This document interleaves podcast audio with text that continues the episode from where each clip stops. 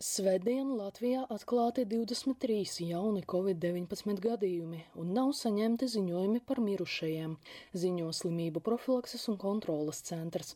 Kopā diennaktī veikti vairāk nekā 3000 testi. Pozitīvo gadījumu īpatsvars ir zem 1%. Slimnīcās ievietoti 3 covid-19 pacienti. Kopā stacionāros ārstējas 44 pacienti, no kuriem 6 ir smagā stāvoklī. Jaunākais covid-19 pārslimojušais pacients rehabilitācijas centrā Vaivari ir vien divus gadus vecs, ziņojuma veselības ministrija. Kopā šogad rehabilitācijas pakalpojumus ir saņēmuši 288 covid-19 pacienti, liela daļa no kuriem ir jaunāki par 50 gadiem.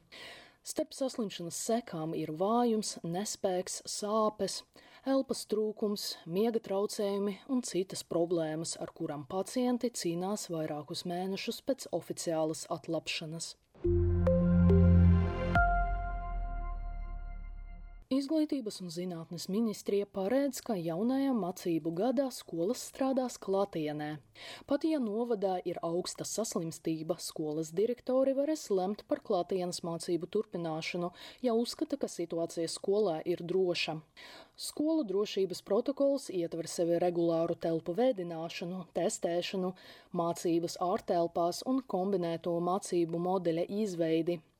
Attālinātas mācības var tikt ievestas tikai, ja valstī ir noteikts lockdowns.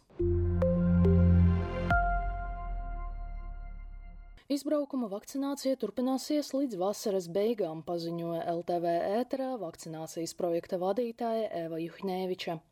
Runājot par otrās devas saņemšanu tiem, kuri izmantoja izbraukuma brigādes pakalpojumus, Juhneviča teica, ka šos cilvēkus vai nu novirzīs kādā vakcinācijas punktā, vai nu tiks organizēta atkārtota izbraukuma vakcinācija.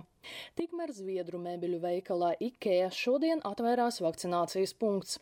Tur var saņemt Pfizer vakcīnu. Vācija plāno ievest papildus ierobežojumus nevakcinētajiem, ziņo Letā ar atsauci uz laikrakstu Bild am Sonntag.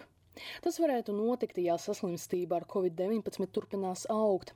Vācijas kancleres Angelas Merkeles biroja vadītājs Helge Brauns teica, ka situācija pasliktinoties nevakcinētajiem vairs nepietiks ar negatīvu testa rezultātu, lai apmeklētu kino, stadionu vai restorānu. Covid-19 dienas apskatu sagatavoja Ksenija Kaļiesņikova portāls Delfi.